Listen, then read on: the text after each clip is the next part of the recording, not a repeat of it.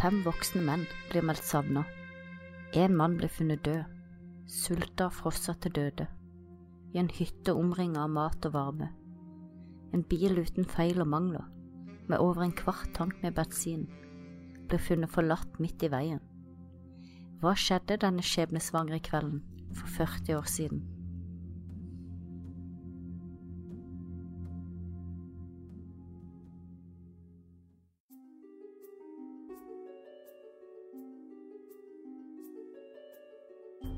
Sett deg godt til rette med noe godt i kroppen, og bli med inn i mystikk og mysteriers verden.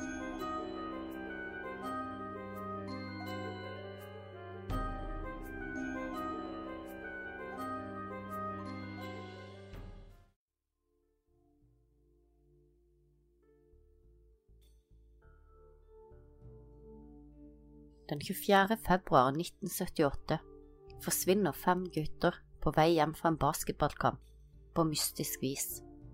Kameratene Jack H, William, Jack M, Theodor og Gary var en sammensveisa kameratgjeng som både arbeida sammen og brukte all sin fritid sammen. Guttene, eller menn som de egentlig var, er beskrevet å ha en liten hjerneskade, den gang kalt MBD, Main or Brain Damage, og var i forhold til sine jevnaldrende litt tregere i intelligens og i sosiale sammenhenger. Alle fem var en del av et dagsprogram for mentalt handikappede voksne, og det er lett å tenke at deres mentale tilstand gjorde at de ikke klarte seg så godt i hverdagen. Men vi må ikke glemme at dette var 1978. Mange fikk diagnosen MPD, som i dag kanskje ville fått helt andre diagnoser, som ikke ville gitt inntrykk av at de var mentalt handikappede. Gary hadde ikke fått diagnosen MPD, han hadde diagnosen schizofren, og var ifølge de som kjente ham, veldig oppegående. Han brukte også faste medisiner som holdt schizofrenien i sjakk, og både Gary og Jack M hadde utført tjenester i militæret, og begge to hadde bilsertifikatet. Guttene ble beskrevet som veldig omsorgsfulle, pålitelige og hjemmekjære. Alle bodde hjemme, Jack H var den yngste med sine 24 år, og Theodor den eldste med sine 32 år. De elsket sport og spilte sammen på et lokalt basketballag for voksne med forskjellige handikap. Dagen etter de forsvant, skulle guttene delta på en basketballkamp som var en del av en turnering, og hvis de klarte å vinne, var premien en gratis tur til Los Angeles. Guttene gledet seg veldig til denne viktige kampen. De hadde allerede lagt fram klærne til morgendagen, før de dro av gårde til Chico, hvor de skulle være tilskuere på en lokal basketballkamp. Theodor hadde også spurt sin mor om hun kunne vaske hans hvite joggesko, slik at de var rene og pene til morgendagens viktige kamp. Gary holdt på å drive sin mors brød med snakk om kampen. Vi har en viktig kamp til søndag, skal han ha repetert til moren sin. Ikke la meg forsove meg, sa han flere ganger til henne. Om kvelden den 24. februar reiste guttene av gårde til Chico i Jack M sin bil, en hvit Mercury Montego 1969-modell. Bortelaget som skulle spille, var favorittlaget deres. Favorittlaget gikk av med seieren, og etter kampen satte alle fem seg i bilen og kjørte fornøyde ut fra parkeringsplassen. De stansa tre kvartaler lenger ned, hvor de ble observert på den lokale butikken. Eieren holdt på å stenge når guttene ankom butikken, og ble derfor litt småirritert, og derfor husket han dem også ekstra godt. Guttene hadde handlet en kirsebærpai, en sitronpai en Snickers, en maratonbar, to Pepsier og en halvannen liters kanne med melk. De forsvant ut igjen i bilen, kjørte sør mot Chico og forsvant. Klokken var fem om morgenen den 25. februar når Theodors mamma våkna opp og følte seg redd og engstelig. Hun kan ikke forklare hva som gjorde at hun våknet, annet enn at Herren mente det var på tide å ende hennes siste natt med solid søvn. Hun fant Theodors seng tom. Huset var stille, og det var ennå mørkt ute, hun kunne ikke finne noen tegn til Theodor, og det hadde aldri skjedd at Theodor ikke kom hjem. Hun kastet seg på telefonen og ringte til William sin mor så fort hun kunne. William og Theodor var nære venner, hang alltid sammen og passet godt på hverandre. Juanita, Williams mor, hadde vært våken siden klokka to på natten. William har heller ikke kommet hjem, sa hun. Juanita hadde allerede ringt til Jack M sin mor. og Jack hadde heller ikke kommet hjem. Theodos mor ringte så til Jack H sin mor, mens hennes svigerdatter løp ned gaten for å prate med Gary sin stefar. Ingen av guttene hadde kommet hjem om kvelden, og klokken åtte den kvelden ringte Jack M sin mor til politiet. Det var veldig ulikt guttene å bare forsvinne uten å gi beskjed til noen.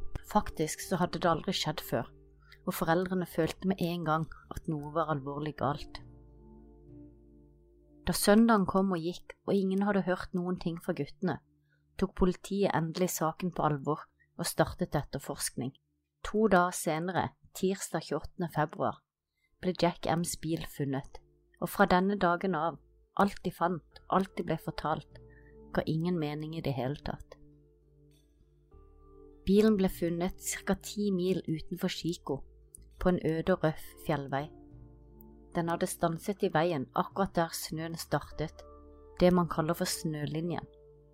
Bilen hadde tydelig stått og spint litt, men bilen satt ikke fast, og fem menn ville enkelt ha dyttet den løs. Bilen hadde ennå en kvart tank med bensin igjen, og bilnøklene var borte, men da politiet forsøkte å tyvstarte bilen, startet den på første forsøk. Fire kart over California lå pent brettet inne i hanskerommet og begge setene var fulle av søppel etter tingene de hadde handlet etter kampen. Alt hadde blitt spist opp, bortsett fra maratonbaren, den var det halvparten igjen av. Utsiden av bilen var uskadet, det var ingen skader på understellet til bilen heller. Dette var en tung amerikansk bil med fem voksne menn, som hadde kjørt opp en steinete, gjørmete og humplete fjellvei, i mørket, uten at bilen hadde en eneste merke, skrape eller gjørme som kunne tale for at bilen hadde kjørt der i det hele tatt. Bilføreren må ha hatt en overnaturlig evne til å kjøre forsiktig og presis, ellers må vedkommende ha kjent veien såpass godt at han kjente hvert hull og hver stein, sa politimesteren. Familien er veldig tydelig på at det kun var Jack M som kjørte bilen. Det var alltid han, og aldri noen andre. Og de er også helt klare på at Jack M, som hatet campingturer og kulde, ikke kjente til denne veien. Alle familiene var overbevist om at ingen av guttene kjente til denne veien eller hadde vært der tidligere. Det nærmeste var William, som en gang åtte år tidligere hadde vært på fisketur med faren i en hytte ikke så altfor langt unna. Men William, han hadde ikke likt fisketuren, og de andre gangene familien gikk der, så ble ikke William med.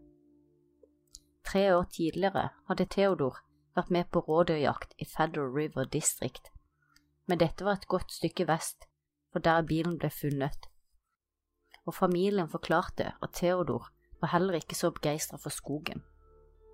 Bortsett fra Gary, som av og til var ute hele natten med venner, levde alle de forsvunne mennene et rolig liv hvor de holdt seg mest hjemme, med timeplaner og en forutsigbarhet så sterk at det var vanskelig å forstå hva eller hvem som kunne fått dem opp på den ensomme, forlatte fjellveien. Den dagen bilen ble funnet, kom en liten storm innover fjellet, som etterlot 22 cm nysnø på toppen av snøen i fjellet. Letemannskapene mista nesten to mann selv, to dager senere, når snøskuterne kjempet seg gjennom den høye snøen i fjellet. Men letemannskapene fant ingenting, ikke engang en sko. Politiet fikk inn flere tips i saken, noen hadde observert guttene i Ontario. De ble sett i Tampa, og en eldre mann hadde sett dem gå inn på en kino i Sacramento. Bekymret, men desperat familievenn kontakta klarsynte, og en av dem fortalte at guttene hadde blitt kidnappa og tatt med til Arizona eller Nevada. En annen fortalte at guttene hadde blitt myrdet i Oroville, i et toetasjes rødt hus, laget av mur eller planker. Innkjørselen var laget av asfalt, og husnummeret var 4723 eller 4753. I to dager kjørte familievennen i hver eneste gate i Oroville for å finne huset, men måtte til slutt innse at huset ikke eksisterte. Så fikk politiet tips fra en mann som hadde sett lys på veien da bilen ble funnet. 55 år gamle Joseph Stone fortalte politiet at han kjørte sin Volkswagen opp den samme veien en gang etter klokken 17.30 den kvelden guttene forsvant. Han fortalte at han hadde kjørt opp dit for å sjekke snølinjen, da han hadde planer om å ta med sin kone og datter på tur dit den førstkommende helgen. Han fortalte at bilen hans ble sittende fast rett og forbi snølinjen. Dette var ca 45 meter fra der Jack sin bil ble funnet. Han fortalte videre at mens han forsøkte å få løst bilen sin, så fikk han et hjerteattakk, og leger bekreftet senere at Josef hadde hatt et lite hjerteattakk denne kvelden. Josef la seg inn i bilen med motoren på for å holde varmen. En gang på natten hørte han det han beskriver som plystrelyder litt lenger nede i veien, og han gikk derfor ut av bilen sin. Der nede så han det som så ut som en gruppe menn og en kvinne med et barn, i skinnet gjennom frontlysene på en bil. Han hørte at de prata, Josef sier han ropte etter hjelp, men da slukket de frontlysene på bilen, og snakkinga stoppa. Josef gikk tilbake inn i bilen og la seg ned igjen. Men en stund senere, kanskje to timer, så han lys utenfor bilvinduet sitt, lys fra lommelykter. Igjen ropte han på hjelp. Lysene ble slukket, og hvem enn det var som var der ute, så gikk de sin vei. Josef forteller videre at han lå i bilen sin helt til den gikk tom for bensin, og da, mens det ennå var mørkt, gikk Josef de tolv kilometerne tilbake til fjellhytten, hvor han hadde stanset for noe å drikke på vei opp veien. Rett ned forbi sin egen bil, der hvor han hadde hørt stemmer tidligere på natten, passerte han en tom Mercury Montego som sto midt i veien. Det skulle gå 100 dager før politiet fikk nye spor det var 4. juni og vår når en liten gruppe motorsyklister var på tur i nytt terreng. De vandra inn på en forlatt tomt som inneholdt en liten servicehytte for skogvoktere, og en forferdelig lukt. Det var lukten av den døde Theodor Weier. På innsiden av hytten fant turgåerene liket av Theodor utstrekt på en seng, fryst i hjel. Åtte tepper hadde blitt lagt over kroppen hans og pakket rundt hodet hans. Lærskoene hans var borte. På et lite bord ved siden av sengen lå ringen hans med inngraveringen Ted, gullsmykket hans og lommeboken som ennå inneholdt penger. I tillegg ble det funnet en gullklokke av merket Waltham, som manglet en krystall, men familiene sa at ingen av guttene hadde eid en slik klokke. Theodor var en høy, sterk mann med sine 180 cm og 90 kilo. Når han ble funnet, hadde han mistet så mye som 40–45 kilo av kroppsvekta. Føttene hans var kraftig angrepet av frostbitt, og skjeggveksten, som hadde vokst litt over to centimeter siden dagen han forsvant, viste at han hadde levd, tilsynelatende i et sulthelvete, i alt fra 8 til 13 uker. Han var ca. tre mil unna da bilen ble funnet. Theodor, som hadde på seg en stripete velurskjorte og tynne grønne bukser kvelden de forsvant, hadde altså gått eller løpt, eller på annen måte blitt ført nesten tre mil gjennom snøfonner like høye som han selv, for å nå den lille hytten hvor han senere døde. De hadde kommet seg inn i servicehytten ved å knuse et vindu. Det var ikke gjort noen forsøk på å lage bål, selv om det lå fyrstikker flere steder i hytten og det var både aviser og bøker samt tremøbler som enkelt kunne brukes til å lage bål. Mer enn ett dusin bokser med hermetikkmat hadde blitt åpnet og spist. En av boksene var blitt åpnet med en militær boksåpner, som antageligvis bare Gary og Jack M visste hvordan skulle brukes. Men ingen hadde åpnet et skap i det samme skuret som hermetikken var, som inneholdt nok dehydrert meksikansk mat, fruktcocktail og andre matvarer som kunne holdt alle fem i live i minst ett år. Ingen hadde heller rørt propantanken som sto i et annet skur utenfor hytten. Alt de trengte å gjøre var å skru på gassen, sa politisjefen. Så hadde de hatt gass til mat og varme i hytten. Dagen etter at Theodors kropp ble funnet, fant letemannskapene levningene til Jack M og William. De lå på hver sin side av veien som førte til servicehytten, ca. 18 km ifra der bilen ble funnet. Jack M hadde blitt delvis oppspist av rovdyr og blitt dratt et lite stykke ned til en elv. Han lå med ansiktet opp, og hans høyre hånd klemte rundt klokken på armen, som betydde så mye for ham. William ble funnet nedenfor veien, litt inn i skogen, fordelt over et område på 15 meter. Det eneste som var igjen av ham, var skjelettet. To dager senere, på samme vei, men mye nærmere hytten, fant Jack Haws far sønnens ryggrad. Politiet og familien hadde forsøkt å overtale ham til å ikke gå ut og lete selv, av redsel for at nettopp noe slikt skulle skje, men han hadde insistert på å gå ut og lete. Politiet fant flere benrester, i tillegg til Jack Haws Levis-bukse og skoene hans. Dagen etter fant politiet en hodeskalle ca. 100 meter fra der de andre benrestene ble funnet. Tannlegen identifiserte tennene i hodeskallen til å være Jack Haw. Jack Haw sine levninger ble funnet nordøst for skogshytten, akkurat som William og Jack M. Men nordvest for hytten, ca. en halv kilometer unna, fant letemannskapene tre ulltepper fra servicehytten og en lommelykt som lå i veikanten. Lommelykten var begynt å bli litt rusten, og den var avslått, men det var umulig å vite hvor lenge den hadde ligget der. De fant ingen tegn til Gary Mathias. Tennisskoene hans ble funnet inne i servicehytten. Dette fikk etterforskerne til å mistenke at Gary hadde byttet ut sine sko med Theodor sine lærsko, som også var borte, spesielt siden Theodor hadde større føtter, og Gary sine var antageligvis hovnet opp på grunn av frostbitt men det var kun en spekulasjon, og det var alt politiet hadde. Gary blir beskrevet som slank og mørkhåret. Han brukte briller, uten disse fikk han dobbeltsyn.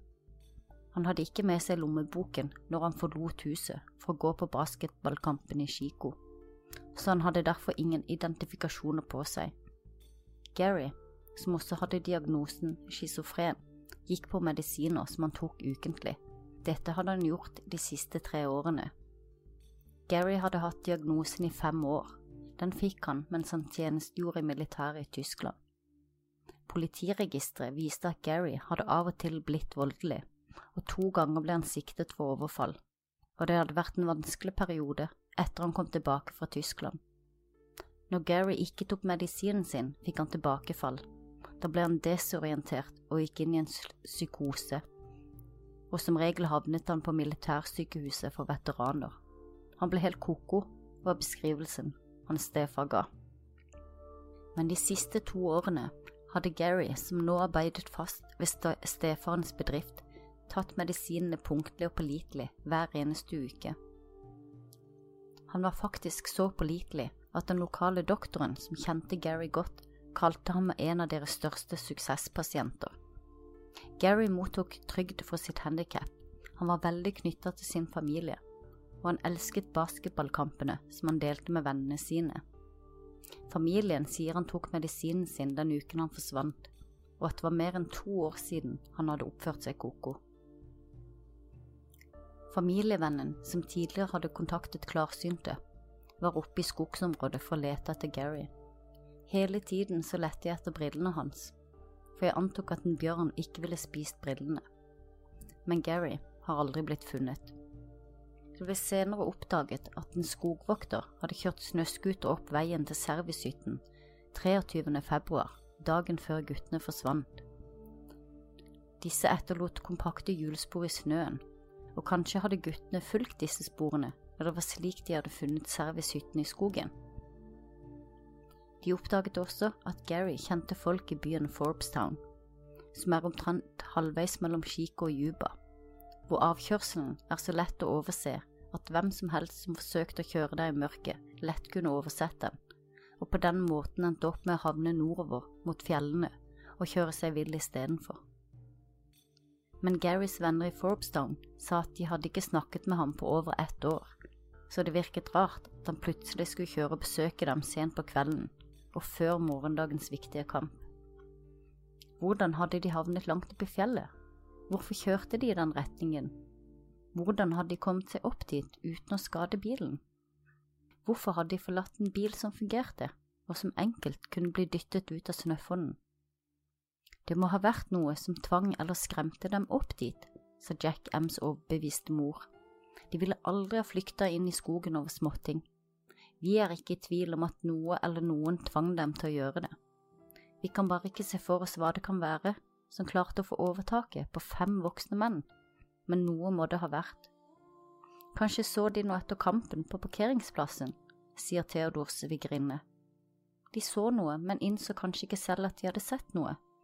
Jeg forstår ikke hvorfor Gary skulle blitt så skremt.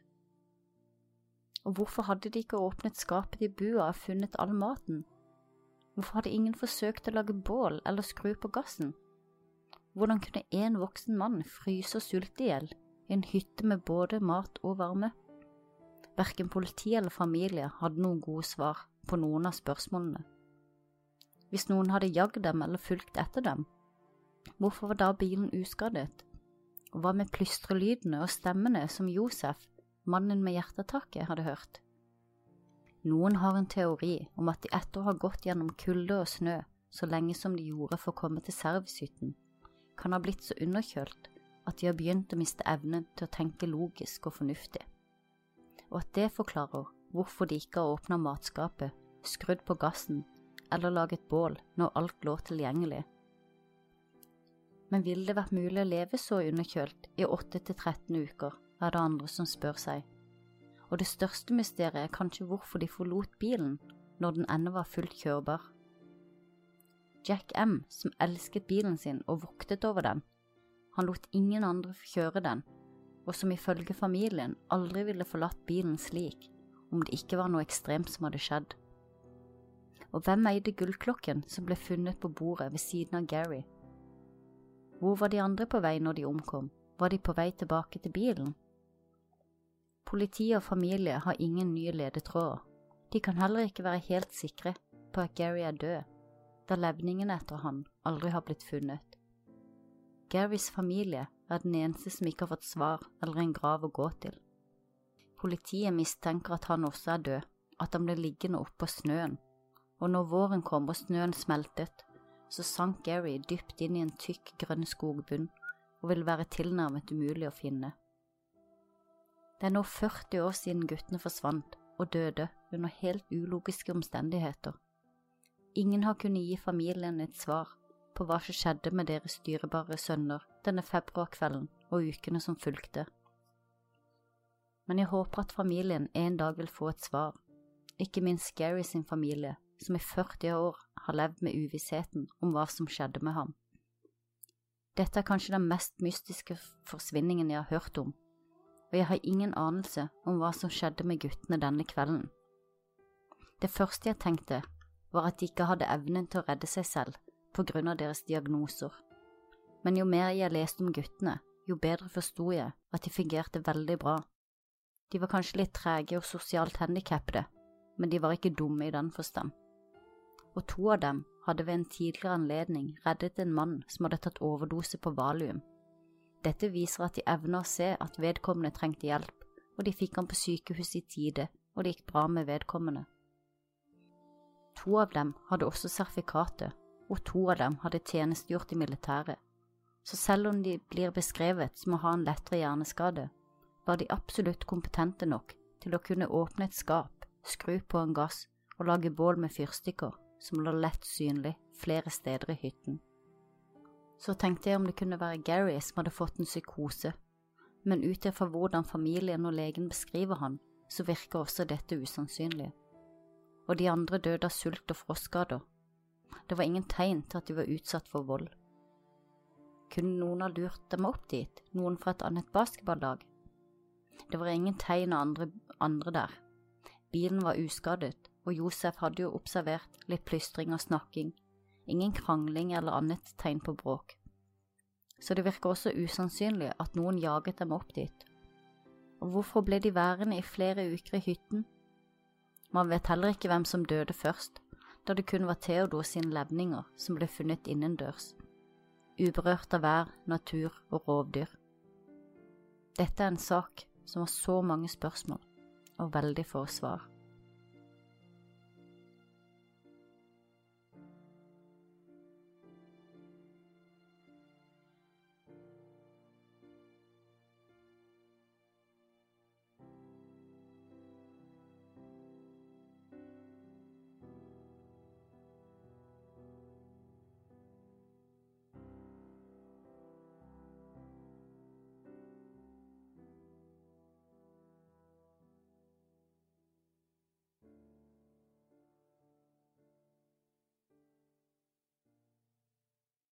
Har du et enkeltpersonforetak eller en liten bedrift? Da er du sikkert lei av å høre meg snakke om hvor enkelt det er med kvitteringer og bilag i fiken, så vi eh, gir oss her, vi.